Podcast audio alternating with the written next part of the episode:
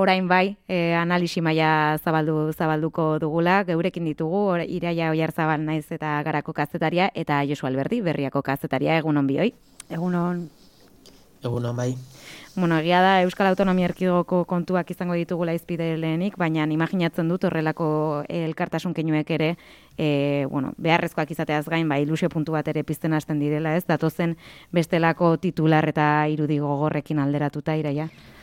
Ba bai, ez, nik uste dute kontrapuntua dela, naiz eta frustra, o sea, frustrazioa da pixka batez urrunetik e, zaia egiten denez ikustea, ba, bueno, nola baita eskuak lotuta ditugula guztia geldi erazteko, baina aldi berean ere ze garrantzitsua denez alik eta e, deialdi eta kontsentsu zabalenak e, bueno, erakustea eta dieraztea ba, ba genozidio honen aurrean ez, eta, eta gertatzen ari den eskubide urrak eta guztionen aurrean.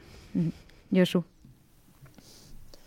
Bai, hori bera, ez? E, urrun geratzen zaigu eta askotan, bueno, la, larri ikus, larria ikusten dugu, ez? E, han gertatzen ari dena, Palestinan gertatzen ari dena, eta, bueno, olako, olako erantzunek, ez? Herritarrek bintzat erakustea, ez? E, ez, hango herritarri bakarrik baizik, eta baita ere hemengo agintaria, ez? E, badagoela herri bat, ez? Hango gatazka eta hango, hango gerra horren inbazioaren aurka, ba, bada, bada, ez? Kontuan hartzeko erantzun bat. Bueno, ba, esan bezala, ez hori txarrez e, tokatuko zaigula, honen inguruan gehiagotan hitz egitea, espero dugu ere, ba, bestelako tonu duen e, albisteak ere komentatzeko tartea izatea, baina e, orain gustatuko litzaiake pixka bat Euskal Autonomia Erkidegoari erreparatzea kasu honetan, e, bueno, etxe bizitza legea izpide izan behar dugulako, lakoak elegitea jarri jarri diolako Espainiar gobernuak onartutako etxe bizitza legeari. Azkenean alderdi kuspegitik eman dituzte azalpena jeltzaleek, e, gogora ekartezagun lakoako gobernuan peserekin e, batera gobernatzen gobernatzen duelako, EAJak e, etxe bizitza legean Espainiako gobernuak akordiora iristeko borondaterik ez duela izan, eta horregatik jarri diotela estatuko legeari elegitea esan, esan du. Mare Eugenia Rizabalagak hitz egin du azkenean, e, jeltzaleen izenean, entzungo, entzungo dugu pixka bat, azken orduetan sortu den arrabotxari, e, ba, bueno, e, aurre egiteko nola baita esan arren, e, xabin etxeatik egin zituzten adierazpenak. Mare Eugenia Arrizabalaga. Es como si España nos dijera, oye, me meto en tu casa y te la voy a decorar a mi antojo como a mí me gusta. Pero no te enfades, ¿eh? No te Bueno, askumenen zapaltzeaz, ba, tonu horretan hitz egin hitz egin zuen, e, gainera foruen zabalpena zapalpenarekin konparatu zuen, adierazi zuen bestalde Espainiako etxebizitza legeak inposatu egin duela Araba, Bizkaia eta Gipuzkoan zer zer egin bar den. Entzungo dugu. Eusko Alderdi Jeltzalea ez dago alokairuen prezioen igoera kontrolatzearen aurka. Alderantziz, Eusko Alderdi Jeltzaleak positibotzat jotzen du alokairuen presioari neurria jartzea. Hori horrela da. Baina, badago baina bat. Zalantzak ditugu, zalantza handian, ohiko etxe bizitzarako alokairuak eskaintzeari. Hori da orain arte ikusten ari garena. Eta etxe jabeek alternatiba bezala, sasoiko alokairuak eskaintzera jo dutela. Eta zer gertatzen da sasoiko alokairuekin? Ba, hauek ez daudela legearen baldintzapean. Lege honek ez diela inolako mugarik ezartzen. Bueno, ala ere, esan dezakegu oraintxo bertan interesgunea badela PS eta EAJaren arteko harreman hori ze, zerregoetan egon daiteke. Ba, kasu honetan, e, Maria Eugenia Arrizabalagak ba etzuen adierazpinik egin edo etzuen erantzun PS eta EAJaren kontra gai honetan egindako hitzekiko. Berari ze galdetzen diazu, handu ezak dauzkan uste eta iritzi ez galdetu jozu berari. Ni ez nahi sartuko horretan. Bueno, ba ez dira sartu, baina pese, pese bai, eh? E, Deniz Itxasok, e, orain arte Euskal Autonomia Erkidegoan Espainiako gobernuko ordezkari izan dena, eta orain peseko zerrendetan joango dena hauteskunde itzordu berrian hitz egin zuen afera honen inguruan, etxe bizitza legea suspenditzea oso larria litzatekela esan du Deniz Itxasok, eta ez du lertzen EAJaren jarrera. La vivienda es uno de los principales problemas que tiene este país, especialmente en Euskadi. La vivienda está detrás de muchos de los problemas que hacen que muchas familias jóvenes no puedan emanciparse, no puedan desarrollar un proyecto de vida. La vivienda eh, sigue siendo, a nada que uno haga un análisis en el conjunto del continente europeo de cómo están otros países, eh, sigue siendo un, un, problema pendiente. Eh, hemos transitado de una... Bueno, eta bereziki aitzakiak leporatu, edo aitzakiak erabiltzea hau leporatu diote jeltzalei. Eh, no se pueden aludir eh, cuestiones competenciales. Cuando el PNV, cuando el PNV alega cuestiones competenciales hay que rascar un poco más. Hay algo más, hay una lógica ideológica en el fondo de no compartir esta mirada. Pues porque se defienden otros intereses. Es legítimo, pero a mí me preocupa que el gobierno vasco tenga que terminar interponiendo una, un recurso ante una ley que tiene un amplio consenso y adhesión en Euskadi. Yo estoy convencido, que la, convencido de que la inmensa mayoría de la Bueno, horiek beraz, eh? gobernukide diren bi alderdien arteko arteko posturak, ez dakit, eh, Josu zuk nola, nola somatu duzun edo nola hartu duzun, eh, bueno, elegite honen iragarpena, ez dakit, impactu berezia izango duen hauteskunde de data jakin dugun une beretik hain gertu ezagutzea titularrau?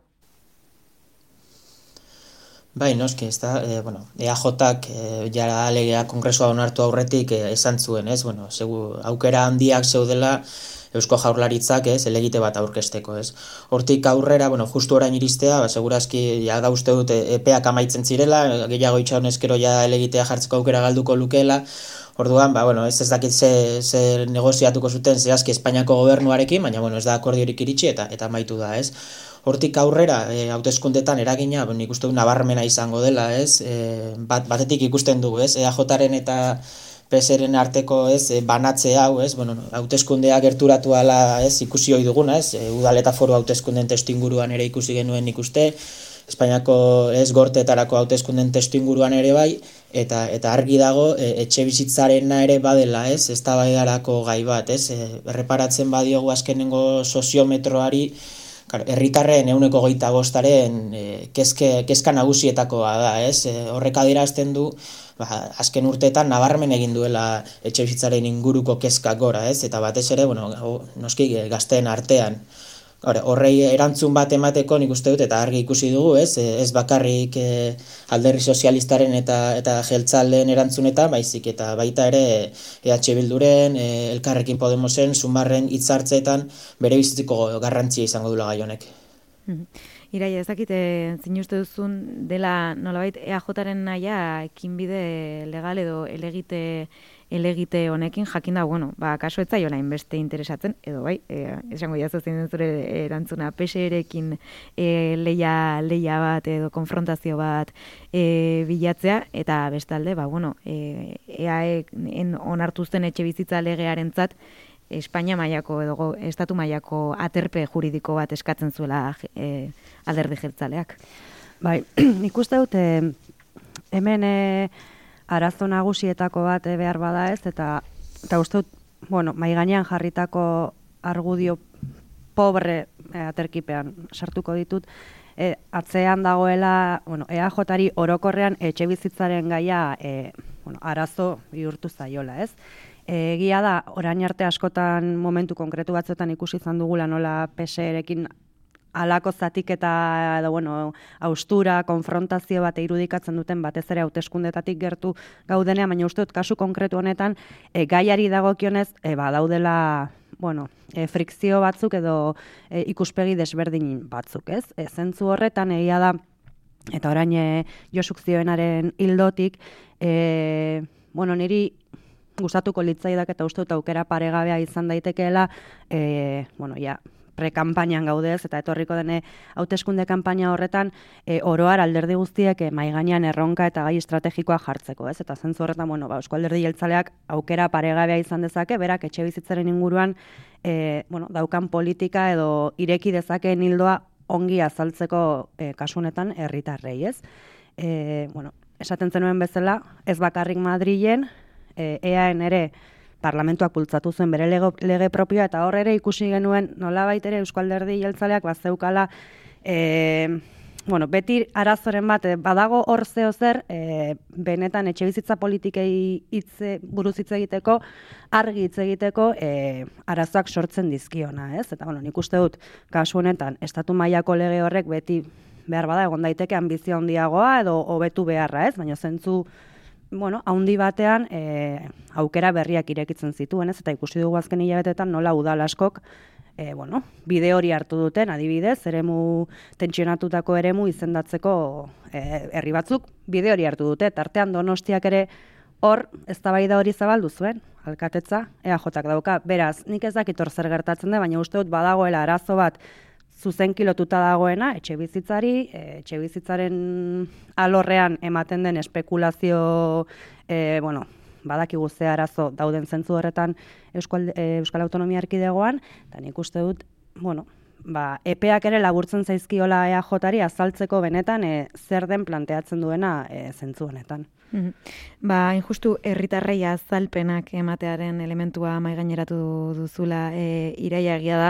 Oraintxe bertan elegite honekin alderdien esanak batez ere entzuten entzuten ari garela, baina e, zeinen interesak defendatzen ari diren eta zeinek ez e, esateko ere ahotsa altza dutenak ere badira. Gurekin dago oraintxe bertan Salvador González, Stop Kaleratzeak plataformako kidea. Egunon Salvador. Egunon zuek eh, herritarren interesei erantzuten ez dien elegitea dela honakoa salatu duzu ez da? Noren, noren interesak defendatzen ari dira lakuako elegitearekin?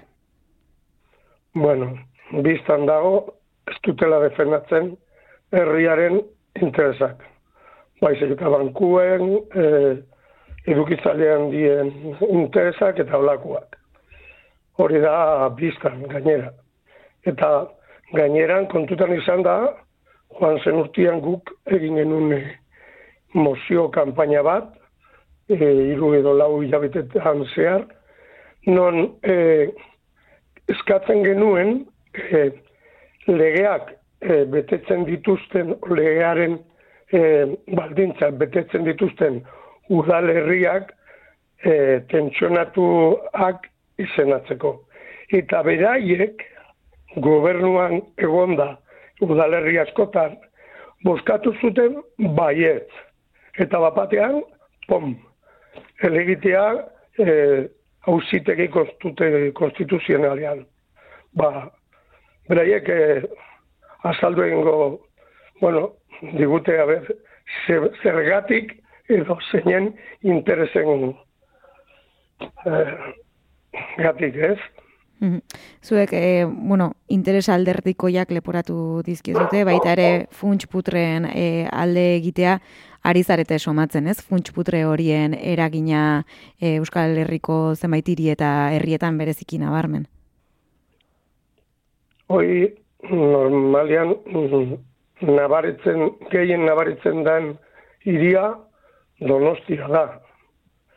Baita Bilbon eta beste toki batzutan baina batez ere Donostian. Non eh, hor hartu dute o hartu dituzte Kriston etxe bizitza pila eta saiatzen dira e, maizterrak e, gainean edo gainetik kentzen eta e, kontratuak kontratu berrizak egiteko nahian, ba, eh, esatzen dira demandak hausitegietan, ia eh, alokairu eh, sustantzio edo garestiagoak ezartzen dituzten eh, kontratuetan, ez? Mm. Bueno, eh, EJak eh, azalpen asko eman behar dio gizarteari. Beti izan ditu bere kontradizioak, eta batez ere nabartzen da, nabaritzen da, hasieran e, beraiek gure legearen kontra boskatu, boskatu zuten beraiek eta bepek. Legeak, e, Euskadiko etxe bizitza legeak, bederatzi urte beteko ditu laster, eta hoiek ez dute egin ezer legea martxan jartzeko, erreglamentuak garatzeko. Eta beti izan ditu zerbait hor eh, kuadratzen ez, ez diona, ez? Mhm. Bueno, ikusi barko dugu beraz, e, Salvadorrea hauteskunde kanpaina honek, iraiak esaten zuen bezala eta Josu azpimarratzen zuen modu berean, e, honet, honetaz hitz egiteko edo garbitasun ez edo gardentasun handiago hitz egiteko aukera ematen duen edo edo ez, mila esker gurekin izateko tartea hartzeagatik eta gertutik jarraituko dugu estop kaleratzearen bidea. Esker kasko. Bale, esker kasko zuei. Bueno, ba, pixka bat antzeko, ez, e, azpimarra horiekin zer gertatuko den ere zonalde tentsionatu izendatuak e, izendatzeko e, borondatea aurkitu duten udalerri horiekin, ez dakit orain, hauteskundeak dato, zelegite bat e, bidean, seuraski josu, prozedura horiek e, guztiz paralizatuta geldituko dira, ez dakit hori izan daiteken atzean dagoen interesetako bat. Bueno, segurazki, e, bueno, e, orain elegitea jarrita ere kostako saio ez, e, hausitegi konstituzionalari erantzun bat ematea ez, eta eta ikusiko dugu bitartean zer gertatzen den, os dago gaur gako nagusia ez, batez ere orain hauteskunde bezperetan mugimenduak hasi direnean ez, e, horrek ere badu ez, nola bai, bueno, ikusi dugu e, errenteria izan dela lehena ez, e, eskatzen tentsio, iria tentsio ere mu izendatzeko, ikusi dugu donostian ere antzera dabiltzala, eta eta oraindik ere, ba, uste dute ara bizkaieta gipuzkoan, e, badirela ez, beste ikasik berrogei udalerri gauza bera egin dezaketenak, ezta? Orain e, hauteskundeak datoz, ikusiko dugu ez, e, gaiak zer nolako bidea hartzen duen, eta eta gero noski, e, bueno, behin bidea hartuta, e, beti, beti esaten dena, ez, hauteskunde kanpainan hitzematen diren kontu horiek, gero behin legealdia zita zertan geratzen diren, ez. Oh, ez, nik uste dut orain pixkat estan bai momentu batean edo e, sartzen garela, ez? Beti ere hauteskunde garaiak ba nola baitere e, praktikak behintzat e, pixka bate bueno, geldi arazten dituelako ez, eta gehiago sartzen garela bestelako ez bai da politikoago batzuetan, eta zentzu horretan, bueno, balen, esaten genuen bezala, egia da, e, uste dudala e, bueno, osasun gintzarekin batera e, bueno, etxe bizitza e, badela kezka e, potente bat e, bueno, Euskal Gizartean eta horrek ere nolabait e, bueno, zentralizatu dezakela edo bere, bere tokia beharko duela hauteskunde kanpaina horretan eta bueno, e, aukera polita da e, bueno, proiektua konfrontatzeko, ez? Eta hor nik uste dute e, bestelako hauteskunde kanpaina eredu batzueta zarago, ba, e, interesgarria izango litzatekeela, benetan eh, edukietaz eh, hitz egiteko, bueno, e, epe bat e, irekitzea eta pixka bate hor ikusi beharko da. Ba, bueno, orain ikusi dugun PSren eta EAJaren arteko zatik eta hori noraino iritsi daitekeen, gero naiz eta ikusi beharko den hauteskundeak pasata ze dinamika zabaltzen diren, ez? Lengoan jarraitzen dugun edo aukera berriak zabaldu daitezkeen, Baina, bueno, ni horrekin gelditzen naiz eta uste dut gizarteak ere bultzatuko duela eta eta eskatuko duela, bueno, e, egoera honen aurrean, e, azalpenak len, e, lehenik eta behin, eta gero, bueno, ekinbideak edo, edo bueno, proiektuak mai gainean jartzeko. Hain justu, e, egiari zor, naiz eta oraindik aurre kanpainan e, gauden, onartu behar da proposamen edo politika konkretu e, buruz hitz egin beharrean, bereziki alderdien arteko arrakaleta hitz egiten ari garela, hitz egin dezakegu ere, osea, EAJ eta PSRen arteko binomio horren arteko e, zakit, dardo, dardo jaurtitze, elkarri dardo jaurtitze horien inguruan, baino egia da kaso, ba, erreta berezia e, jaso duela baita ere ezker konfederalaren arteko e, tira bira. Atzo Lander Martinez, sumar mugimenduko kide eta Espainiako Kongresuan parlamentari dena izan genuen gurean, eta Podemosekin e, hautagaitza bateratu hori erdiesteko ez da amaituta zegoela zioen. Nik ulertzen du galdera ere, baina egia da e, guretzat e, ez da hau e, bukatuta dagoela eta ezer gutxi gehiago e, esango dugula honen, honen inguruan, ba uste dugulako e, ja badukagula auta, auta gaitza zabal bat osatuta eta Eta galdetu genion ere bai, Galiziako hauteskundetatik ateratako ondorioen inguruan eta honako erantzun zigun. Bueno, emaitzak izan ziren txarrak, era irekien esan dezakegu, eta ikasketa asko e, e, hartu ditu Galiziatik, e, nik uste dut hor egiten genuen azterketa politikoa asko sakonagoa dela, ez du, e, ez, e, ez, banaketa eren asuntoa, gero batuk eta egite badugu bosten inguruan ikusten da ez dela arazo principala, baizik eta, bueno, hor dira beste arazo politiko batzuk, eta baita ere gure almena e, Galiziara denborarekin heltzeko kanpainara, eta baita ere hor, bueno, ba, dagoen impla, lurraldetasun implantazioarekin, eta eta beste bat arazo e, politiko strukturalak gertatzen direnak, ez? Josu, ez dakit iruditzen zaizun e, Galiziako hauteskunden ondorio horiek aplikagarriak diren Araba Bizkaia eta Gipuzkoako errealitateari dagokionez. Bueno, eh, un espazio politiko honek, eh, bueno, uste dut, ez da, arazoa oinarri, arazoaren oinarria bintzat ez dagoela ez, ez, ez Galizian, ez, ez Ara eta Gipuzkoan, ez? E, bueno, handikan uste dute bi realitate ezberdin direla Galiziakoak eta mengoa ere, nik uste dut han nahiko garbi ikusten zela, ez? E, bai Podemos, bai e, bai sumar kanpoan geratzeko aukera handiak zeudela, hemen ikusiko da, segurazki banatzeak kalte egingo dira, ikusiko dugu bat sartuko den bestea, edo, edo biak kanpoan gera itezken, ez, ez dut uste hortik aurrera uste dute espazio honen e, bueno, zatiketa hemen, hemen ere Arabizka eta Ipuzkoan ere bueno, Madrildikan jada markatua zetorrela, ez? E, hor birakurketa oso ezberdin daudela esango nuke espazioak izan beharko lukeen, ez? Etorkizunari buruz, etorkizun laburrari buruz behintzat, eta eta hemen ikusi dela, ez? Ate batetikan Podemosen apustu bat, ez? Da azken lau urteetako, ez? E, marka horri, ez? Elkarrekin marka horri eustearena, eta eta sumar iritsi da eh, hori hori de, deuseusteko asmoz edo nolabait e, birformulatzeko asmoz, ez? Eta hor eskerran hitzaren eta ekoren babesa izan du, ez? Madrilen Madrilen izan duen bezala eta kar birformulazio horretan, ez? E, bate atzuen eta besteen arteko talkak ba ikusi du ba ezinezko egiten zuela, ez? Eta ikusiko dugu ezinezkotasun horrek e, ze ondorio izan ditzaken. Bai, ez nik uste dute bueno, iku, hemengo ikuspegitik begiratuta, ez, eh, Eusko, Euskal Autonomia Erkidegoan, e, bueno, e, Josuk dioen bezala, ez, eta, bueno, e, kalkulo edo aproksimazioak ere egin izan dira, ez, e, toki ezberdinetan, e, banatuta joateak mesede egingo ez diela hori hori argi dago, ez, eta nik uste, bueno, aukera bat galtzea ere badela, ez, e, pixka bat, e, bueno, eh, espazio hori ez, ezker konfederala deitzen duguna, ez, bueno, bintzate, bueno, eh, alderdi sozialistatik eh, aldentzen den beste espazio horri gorputza emateko, ez, eta beste jende baten gana iristeko aukera bat galtzea badela, ez.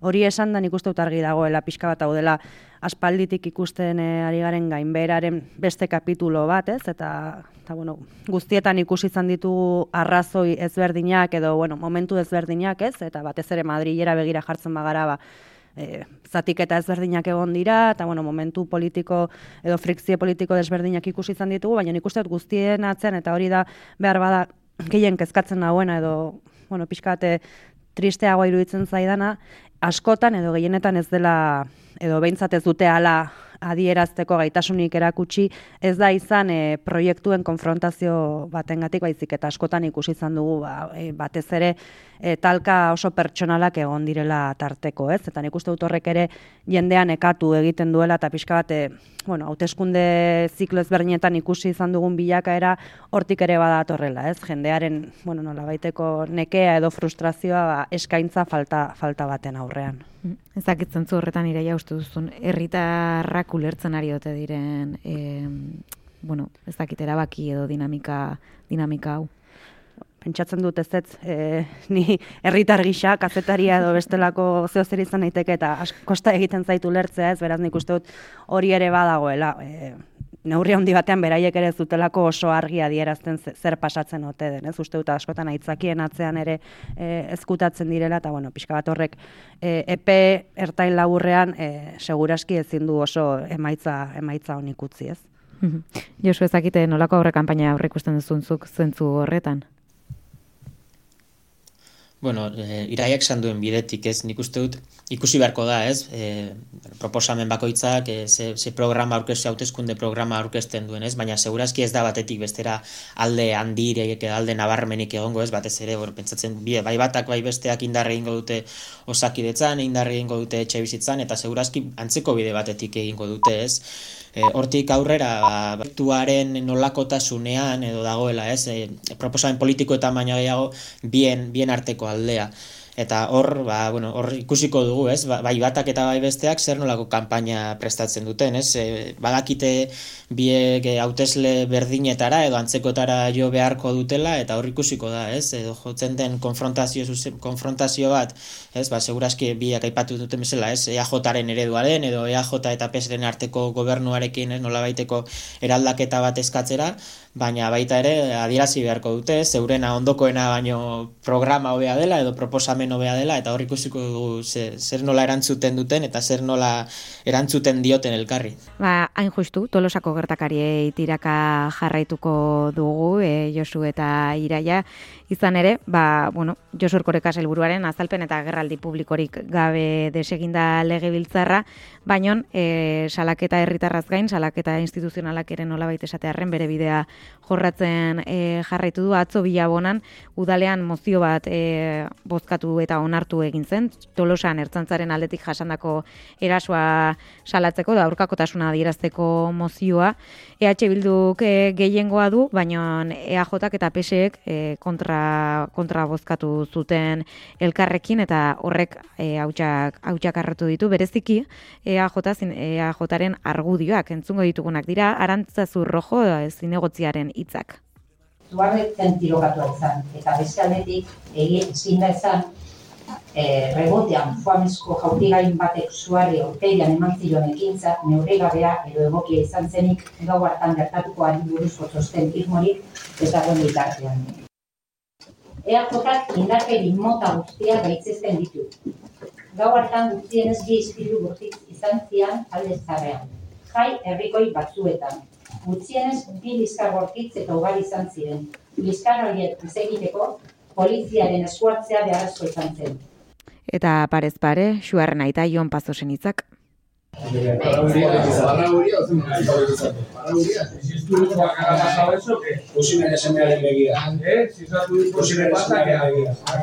Bueno, bala saietzela jun, e, udal saio hori esan dezakegu. Josu, uste dut kosta egiten ari dela puntu honetara iritsita EAJaren jarrera ulertzea?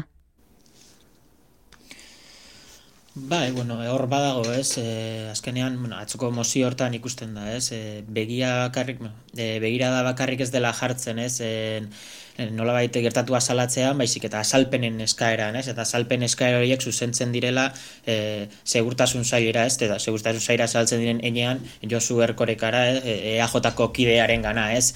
E, uste dut EAJ-ak baduela, ez? Horra, arazo bat, alako erantzun bat emateko ere, ez? Eta horrek badu zer ikusi bat, e, bueno, ez? Ertzaintzaren kudeak eta propioarekin, ez? Eta ertzaintzarek egun duen egoerarekin, ze ikusi genuen, e, e, tolosako inauteritakoaren ostean nola bizkorratera zirela ez?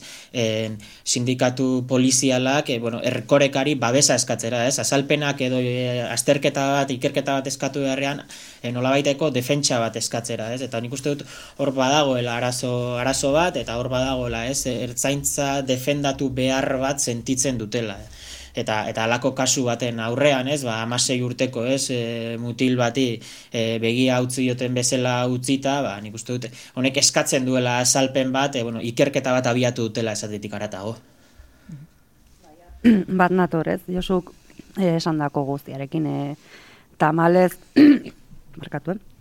Oso aurrekari, bueno, kezkagarriak eta eta tristeak dauzkagu herri honetan, ez, ertzaintzaren eh, jardunaren bueltan, ez, eta uste dute e, hor batez ere, ez, eta gutxiengoa eta eta bueno, e, badela argitasun puntu hori, ez? E, bueno, lehenik eta bain erakunde publikoek herritarrei e, alazor dieten enean, ez? Eta eta kontutan edukita gertakarien larritasuna, ez? Eta bueno, e, defizit nahikoa handia erakusten du, ez? E, bueno, e, gobernu batek, ez, eta kasunetan segurtasun saiak eta horren e, buru den e, ordezkariak, e, bueno, oraindik ere eta pasa, pasada denbora nahikoa, ez, e, e, bueno, honen inguruan inungo argibiderik e, eman ez izana, ez, eta e, egindako gainera adierazpen e, gutxiak, e, bueno, ba, e, nahiko bueno, eskas edo edo ez incluso kezkagarri gertatzen gertatzen direnean, ez? Eta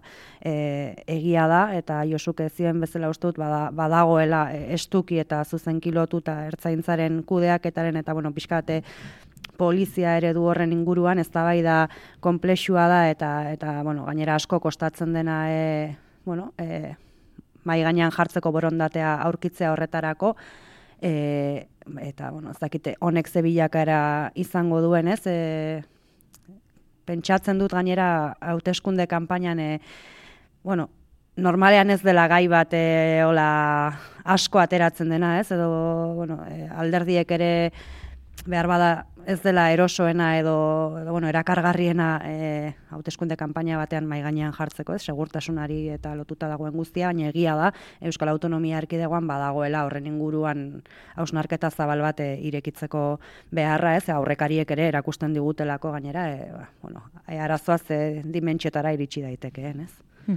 Bueno, puntu honetara iritsita ere, e, Elkarrekin Podemosen eta EH Bilduren e, ekinbideak izan dira nolabait. Ekitate honi erantzun diotenak eta hausnarketa patxadatxuago eta sakoneagoen e, beharra mai gaineratu dutela, igual ez, e, matiz batzuekin gora eta bera, baina momentuz e, sektore horietan borondatea e, aurkitu da, pixka bat hauteskunde giro eta giroa murgiluta gaudenez, Josu ez dakita dibidez, e, bueno, Euskararena edo sasungintzarena bai aurre ikusten direlako ez da bai da gai izatea, baina honek kanpainaren erdi erdigune hartuko duela uste duzu? Bueno, nik uste dut, autoeskunde kanpainetan segurtasunak e, leku hartzen dutenean, bueno, agian batez ere gertatzen da ez, e, hirietako edo hirigune handietako e, segurtasun esaz hitz egiten dela ez, askotan ez, eta e, alde hortatik enfokatzen dela segurtasunaren edo polizia ereduaren e, e, arazoa ez, eta eta askotan enfokatzen dela edo begiztatzen dela nolabait, e, bueno, e, kriminalitatera, enfokatzen dela polizia ez, e, kalean gehiago gotera, vigilantzia handiago batera, ez, e, enfokatu beharrean, ba, beste, beste polizia eredu bat erantzea, oraingoak balio digun, ea, ea aldaketa bat behar den, ez, eta eta hor dago aldea, ez? Eta nik uste dut sarri segurtasunaren hau e, eskuinak baliatzen duen gakotako badela, nolabait eskerrari ere kosta egiten zaiolako, ez?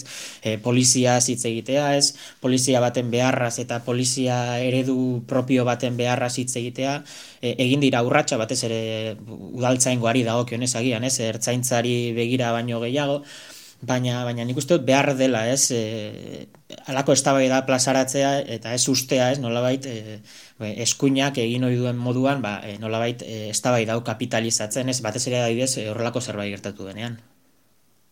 Bueno, ba, ikusiko dugu ere, honek duen duen garapena, orain beste gai bati egingo diogu referentzia, e, apurtxo bat aldenduko gera araba bizkaia eta gipuzkoatik eta nafarrora begira jarriko gara, ba, etxe bizitza legearen elegiteak bezala zerresana eman duelako ere auzitegi gorenak, ba, nafarroko trafiko eskumenaren transferentzia hori geldi, geldi izana, bi bide e, aurre ikusten ziren eta azkenan Nafar gobernuak foru hobekuntzaren, hau da, lorafnaren erreforma martxan jartzea erabaki du, e, esan daiteke bide, bide sakonena dela, eta bien bitartean, ba, Espainiako gortetara eraman beharko da testua adosteko Pedro Sánchez e, gobernuarekin negoziatzeko bideak ireki ireki diren puntu honetan.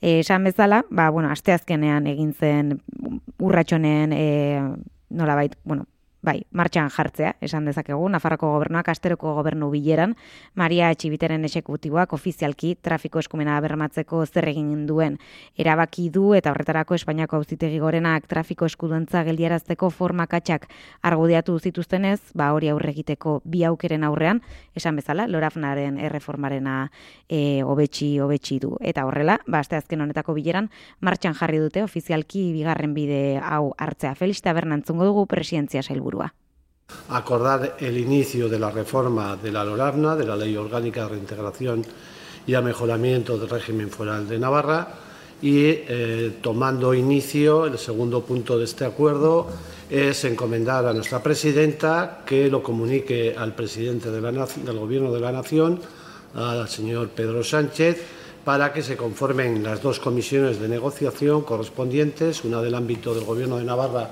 y otra del ámbito del Gobierno de España y con esas dos comisiones, eh, lógicamente, es donde partimos del contenido de, de la negociación. Behin Espainiako gobernuarekin adostuta trafiko eskuduntzaren traspasorako lorafnaren erreforma Nafarroko parlamentuak onartu eta Espainiako gortetara igorriko dute. Han kongresuak ez senatuak onartu beharko dut estua senatuan, legea blokatuz gero bueltan kongresura itzuliko da. Una vez que se envía por parte del Gobierno de España, ya negociado por Navarra, pero una vez que se envía por parte del Gobierno de España, se remite al Congreso, del Congreso va al Senado, el Senado tiene dos meses para tramitar, ese es el plazo que se ha establecido, y posteriormente, si hay un veto, se salva en el Congreso. Esa es lo que, lo que establece eh, cualquier tipo de ley orgánica, el propio reglamento del Senado así se establece para el caso de reforma, en este caso de nuestro mejoramiento, y por lo tanto nosotros lo que vamos a combinar son dos principios. El principio de nuestros derechos históricos, que está consagrado en la disposición adicional primera de la Constitución española, y el segundo principio, que es el de la negociación con el Gobierno de España para llevar a cabo esta reforma. Ba, bueno, ez dakit ere zer beste beste em, elementu elementu hau Nafarrora begirakoa segita segiduan izango dugu Ibai Fernandez Noticias de Navarrako kidea gurekin eta ziur emango dizkigula xetasun e, gehiago baina Bueno, ez dakit e, Espainiako judikatura kontserbadorearen mamu hori beste behin e, geure geure lurren gainean kokatu den iraia. E, bai, ez argi dago hor badagoela e, bueno, arrisku hori eta e, bueno, ikusten dugu e, momentu e, hautatutako gainera momentu klabe batzuetan ez, e, bueno, ba, hankatxoa ateratzen duela. E, bueno, argi dagoenean gainera ez, e, kasunetan bi aldeetatik, badagoela adostasun bat eta e, borondate bat, e, ba, bueno, e, hau martxan jartzeko ez, eta eta aurrera eramateko ez. E, zentzu horretan, bueno, egia da orain e, aurre ikus daitekeela, ez? Eta bueno, e, gertutik ezagutu gabe pixka bate bueno, e, realidadea, baina prozedura bai ikusten da orain e, bueno, ba, urratsak eman beharko direla eta bueno, pixka bate luzatuko dela ez, baina bueno, aldi berean ikuste dut badela garrantzitsua bueno, Maria Txibiteren gobernuak hautatu duela bueno, biderik sakonena edo bueno, beintzate e, berme gehien e, e, emango dituena, ez? Naiz eta horrek e, epeetan ekar dezaken behar bada e, gehiago luzatzea, baina e, uste dut garrantzitsua dela ere e, bueno, ze e, ikuspegitik edo beintzatze borondatetik egiten denez eta bueno, pixkate alik eta berme gehien e, lortzea e, aldera irekitako prozedura dela, ez? Eta zentzu horretan e, bueno, e, ba bes edo konsensu bate ba daukala ebere inguruan, ez, ikusi barko dena, bueno, pixka bate honen aurrean, ez, Nafarroan ere eskuinak e, ze posizio hartzen duen, ez, baita berdina, ba, bueno, e, Madrilen egin daitekeen diskurtsoa edo edo Nafar parlamentuan e, eta Nafarroako herritarrei e, egiten zaiena, ez. Josu, Bai, iraiak esan duenean bidetik, ez uste, honek badu, kasu honek badu nolabait e, Espainian, ez, Espainiako hausitegi nagusienen, ez, e, erabilera politikoaren zantzuak, ez baditu, ez, kasu honetan juzil, ez, e, Guardia Zibilen elkarte bate jarritako salaketaren arira, baina, bueno, beste batzuetan ikusi dugu alderdien partetik izan dela, ez.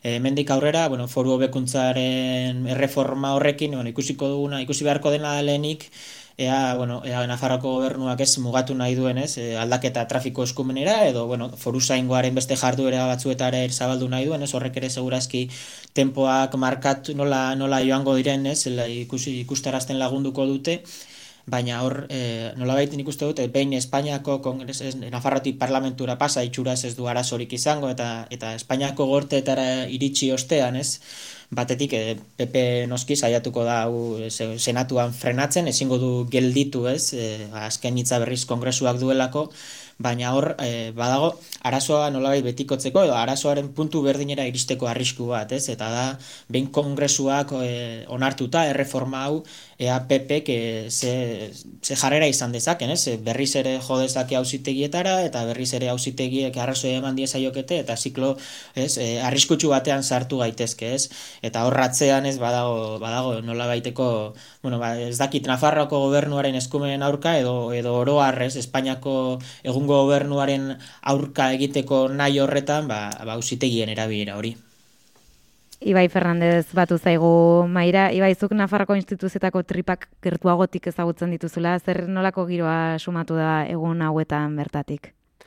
Bueno, nik oroar Nafar gobernuaren baitan lasaitasuna ikusi dut. Uste dut Nafar gobernuaren zatez dela arazo berezia. Ez, e, alderri sozialista dago gobernu buruan eta e, uste dut alderri sozialistaren zateretzela e, lehentasun bat, ez, trafiko eskumena, lortu ginduela, ba, EAJ eta EH Bilduk tarteka negoziatu dutelako Madrilen, ez? E, orain, bueno, gorenaren ebazpenak nik uste sakonera handia badaukala ala ere, ez? E, Nafar gobernuak eh, konpondu nahi du, amejoramenduaren edo foro bekuntzaren erreforma xumeta askar batekin, eta, bueno, agian horrek konpondu ezake trafikoaren afera. Baina funtsian hemen bi arazo ikusten ditut nik, ez? Lehena da, nola gorenak e, kolokan jartzen dituen eskubide historikoak, ez? E, Ez da dozer gauza, eta ez da dozer gauza modu batean bestean erreforma hau aurrera ateratzea, ez? Egia da, bueno, ba, praktikan, ba, ba iritar batentzat berdintzaiola modu batean edo real dekretu batez baten bitartez, elrege organiko baten bitartez edo mejoramenduaren erreforma baten bitartez lortzen den eskumena, ez? Baina baina badoka bere garrantzia, ez? Zegorenak hemen esaten diguna da e, bila bederatzen eta larogeita bian hartutako e, foru bekuntza hori e, asira puntu bat zela, ez? Nafar eskumenen asira puntu bat, ez? Eta hortik aurrera, bueno, horren atzean badagoela Espainiar konstituzioa eta badela Espainiako e, e, erakundeak eta horren atzean e, edo horren ostean kokatu dugula foru hobekontza. Horrek suposatzen du Nafarroak historikoak izan dituen eskumen guzti horiek ez dituela bere gain eta jasoko dituela Espainiako gobernuak nahi baldin badu. Hori horrela da, errealitatean horrela da, baina du Nafarroak e, bere eskubide historiak defendatu behar dituela eta aldarrikatu behar dituela, ez? Na, e, foru zengoa ez da gaur asmatu, mila bederatzen eta sortzian, guarda zibia sortu horretik ere, e, errepideak zaintzen zituen foru e, foru zainak, ez? Eta nik uste horrek baduela bere garantzia, begiratzen baldin badiogu adibidez, e, hitzarmen ekonomikoari, ez? Eskumen ogasuna bere gain hartzeko dokan Nafarrok eskubideari, ez? E, gorenak ireki duen ate horrek baditu arrisku asko, zeirakorketa horrekin beste eskubide asko ere kolokan jarri ditzakete. Hori hasieratik. Eta bigarrenik nik uste hemen e, beste gakoetako bat da nola egiten zaion aurre e, jarrera honi, ez? E, Nafar gobernuak erreforma egin nahi du, trafikoaren aipamena zehaztuz e, foru hobikontzak, nola ere gorenak esaten dion bidean, ba, bueno, nabarmentu behar duela eskumen historiko bat dela, torrela bere gainartu dezalekela trafikoa. Baina okertuko ginateke uste baldin badugu, gorenaren ebazpenak bakarrik trafikoari begiratzen diola, ez? Ze, amejoramenduan, e, foru hobikontzan, ambiguotasun asko ere badaude, beste aipamen batzu egiten dira. Foru zainak, e, foru zainak ez dituzte bere eskumen guztiak bere gainartu oraindik, ez? Daude beste batzu hor, inguru giro e, zaintza adibidez, e, polizia judiziala ere bai, ikerketa adiz, e, ikerketa batekin bat denean pertsona bat e, hildutelako edo edo epaitegiek horrela egin dutelako, e, bueno, askotan hor Guardia Zibila sartzen da tarteko edo edo e, Polizia Nazionala. Alakorik ez da gertatzen Euskal Autonomia Erkidegoan edo Katalunian, ez? Eta e, Nafarroak e, aldarrikatu behar du e, polizia propio integral bat, ez? Bere osotasunean segurtasun neurriak hartuko dituena, ez? Azkenean bere eskubidea delako eta nik uste behar duelako bere polizia propioa, azkenean hemen hartu beharreko erabakiak dira, ez? Foruzainek Nafarroan daukate e, agintea, ez? E, Guardia Zibilak eta Polizia Nazionalak Madrien. Eta horrek badauka garrantzi asko e, lehentasunak ezarri behar diranean, ez? Eta horri e, zehaztu behar da baita ere, foro e, hobekuntzan. Azken finean, erreforma egiten baldin bada planteatzen ari den modu honetan, e, horren modu txikian ba, trafikoari epamen egiten, ba, segurenik ba, konponduko da fera, eta horrela aterako da, zenik ez uste senatuan pepek eh, hori eragozteko keragilegirik izango duenik.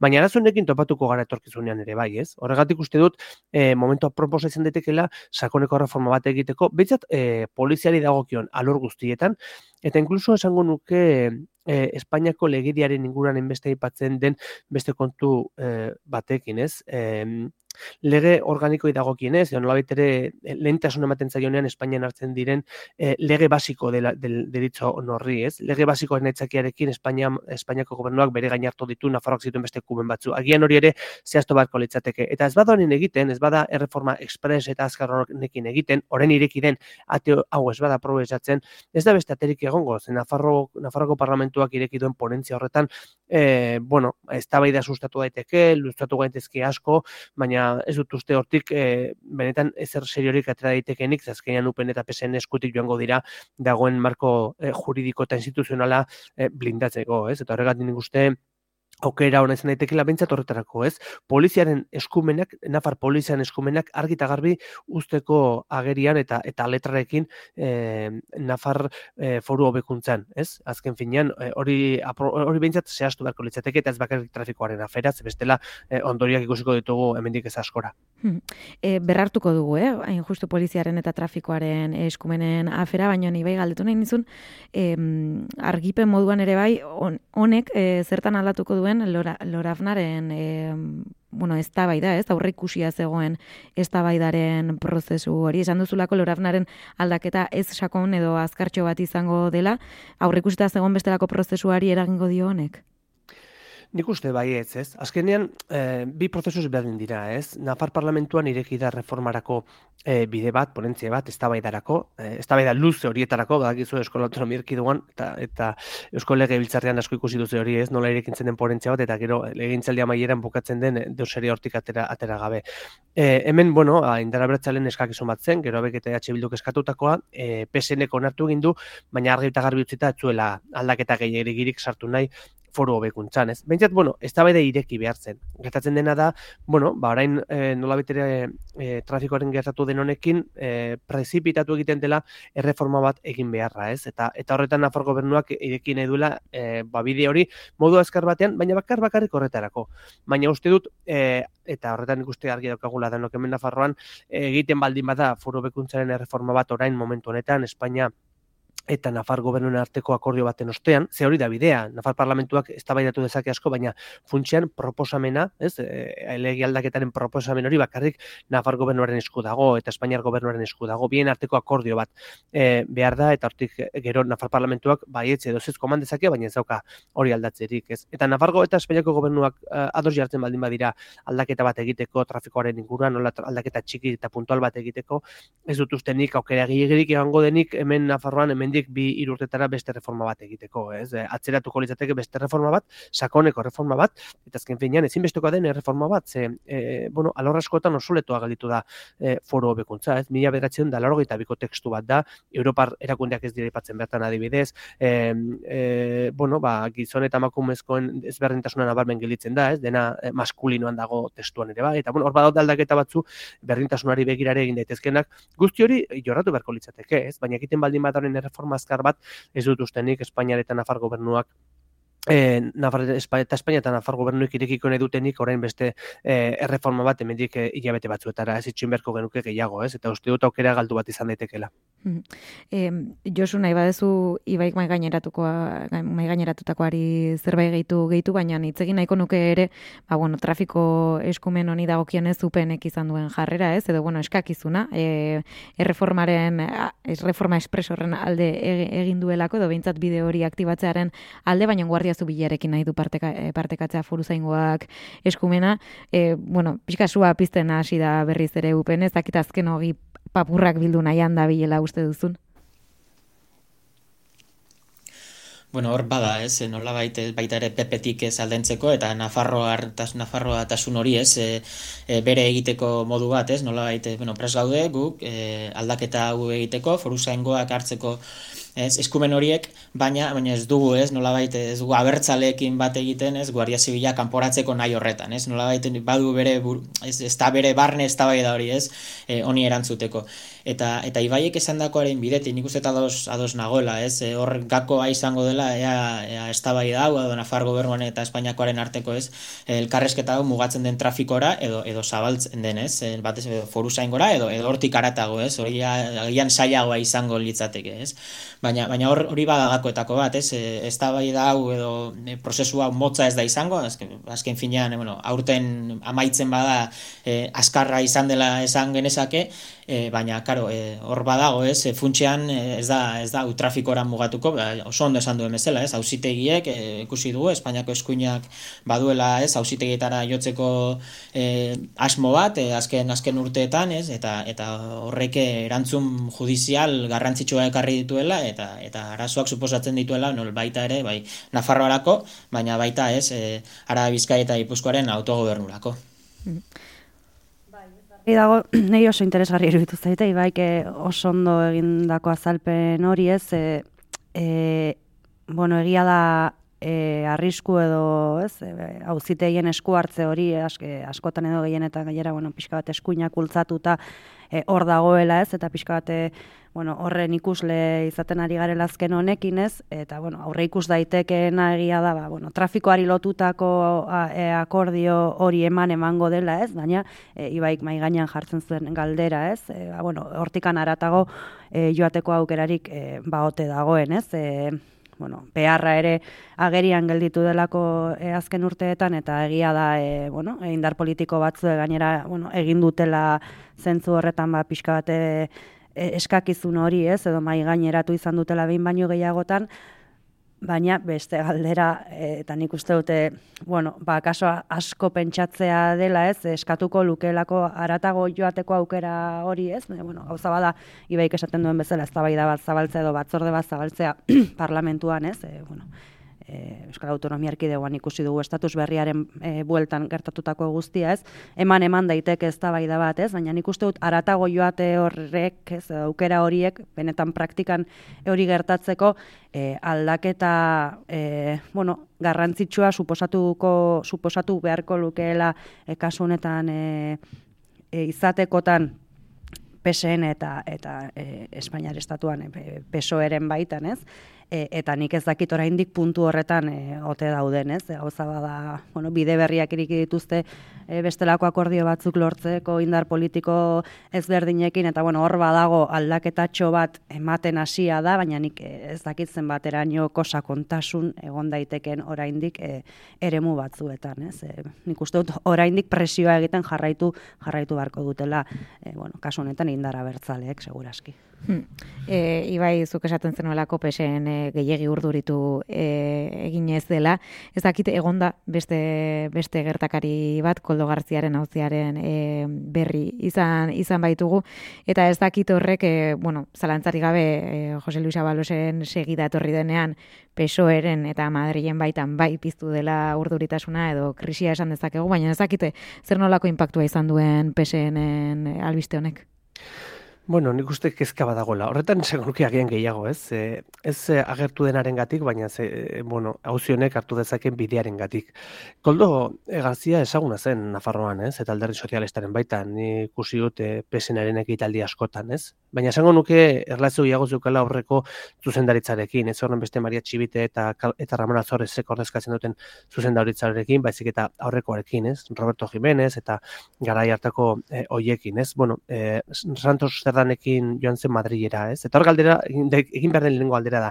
Nola da posible, e, bueno, ba, segurtasuan aditua zen, edo esperto, espertoa zen pertsona bat, e, bitan kondenatua izan zena, ez? E, agresioen gatik, ez? Bat, e, gazte bat jipoitzea gatik, independentziak amesita basukalako, eta beste bat, ba, protesta sozial baten ostean, segurtasun e, pertsona zelarik, beste per, e, gizon bat jipoitu zuen, ez? Ba, alako figura bat nolatan eraman dezakete Madrilera, alako lanak egitera, ez? Hori da lehenengoa.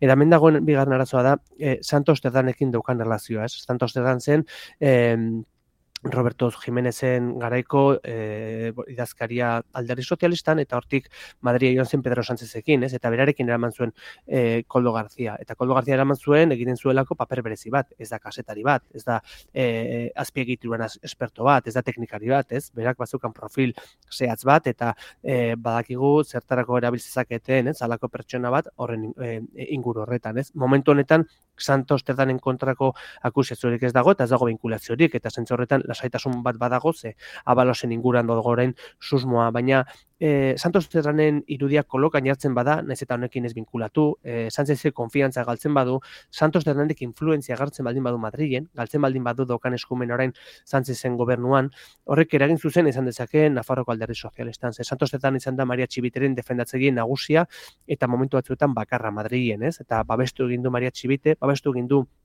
EH Bildurekin egindako akordioak Nafarroan eta eta bere papera ezinbesteko izan da Txibiteren gobernu horrela ateratzeko lehenengo eta esango nuke bigarrenik baita ere e, Iruñean zentsura mozioak aurrera egiteko, ez? Ta Santos denan erortzen baldin bada e, alderdi Nafarroko alderdi sozialistak babes nagusia galduko du Madrilen, ez? Eta horrek beste e, bide, bide bat e, ireki ze aldu daiteke Nafar gobernuaren posizioa Madrilen, ez? E, akordioi dagokienez, baina baita ere eta adibidez, ba beste negoziazio batzuei aurre egiteko, ez? E, negoziazioan adibidez, edo e, beste erakunden arteko ba, beste akordi batzu bidean edo, edo faltan daudelako oraindik ez eta papera oso importantea da Santos Zetanen papera Nafarroko alderdi sozialistaren zat. Erortzen baldin bada arazo bat izan daiteke alderdi sozialistaren zat Nafarroan. Josu, ezakite, bueno, beste aldean ere e, alderdi popularra dagoelako Madrilen, e, espektante baino aukera aukera baliatuz, e, uste duzu Santos Zerran e, abalosen atzetik baldin badator, e, feijok jarraituko duela aukera hori baliatzen? Bueno, nik uste dut aukera balin badute Soeri eta Sánchezi mine ematen jarraitzeko baliatuko dutela, ez? Eta ikusi dugu, ez? Ez Pepe bakarrik, ez? En, en, ja da, ez? Espainiako eskuineko, ez? Eskuin arloko egunkari batzuk, edabide batzuk hasi dira erreparatzen Santos Zerdani. E, ez da ez da nahi gabe egiten den zerbait, ez? Hori eta eta nik uste dut jok puntuan ez dagoela bakarrik e, aipatu ibaiek aipatu den zela koldo kasua baizik eta bueno Santos Serdanek suposatzen duena e, Madrid eta eta Euskal Herriarekiko ez eh, harreman horiek Nafarroa ez Nafarroa bakarrik ez baizik eta nolabait EH Bildurekiko edo gaur egunez investidura bloke horrekiko eh, harreman hori eta eta horren mine emateko aukera balin badu baliatuko dute ez azke, azken punturaino ez eta eta hor ikusiko dugu ea ea balosen geratzen den e, ikusi dugu abalosek ere ez dula lehen lerro hortatik edo behintzat kongresutik martxa egiteko asmorik eta eta hortikan aurrera zenbateraino joango den. E, hau orain hasi da segurazki baliatuko dute e, denbora luze batean edo alik eta denbora luzenean eta eta ikusiko ditugu ez? E, ean, ean oraino garamatzan baita ere ez? E, e, bueno, e, judizialak eta analisi maila hauetan izango gara horren lekuko komentatuko ditugu noski. Ia ia Oiartzabal Josu Alberdi eta Ibai Fernandez eskerrik asko geurean izateko tarte hartzagatik. Eskerrik asko